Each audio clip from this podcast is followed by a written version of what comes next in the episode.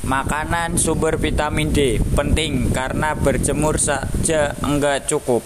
Makanan-makanan bergizi berolahraga dan istirahat cukup adalah kunci untuk tetap sehat di tengah pandemi COVID-19.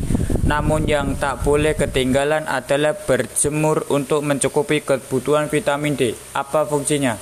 Dokter spesialis kulit dan staf pengajar di Departemen Ilmu Kesehatan Kulit dan Kelaminan FK Unprat atau RS Hasan Sadikin RSAS Bandung Dr.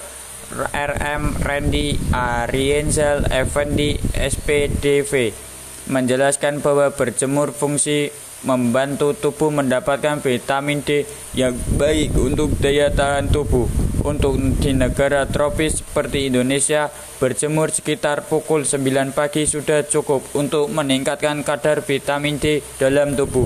Berjemur cukup dilakukan sebanyak tiga kali seminggu agar proses metabolisme vitamin D juga menjadi lebih efektif. Selain itu, sinar UVA memiliki gelombang yang lebih panjang dan dapat menebus lapisan kulit dalam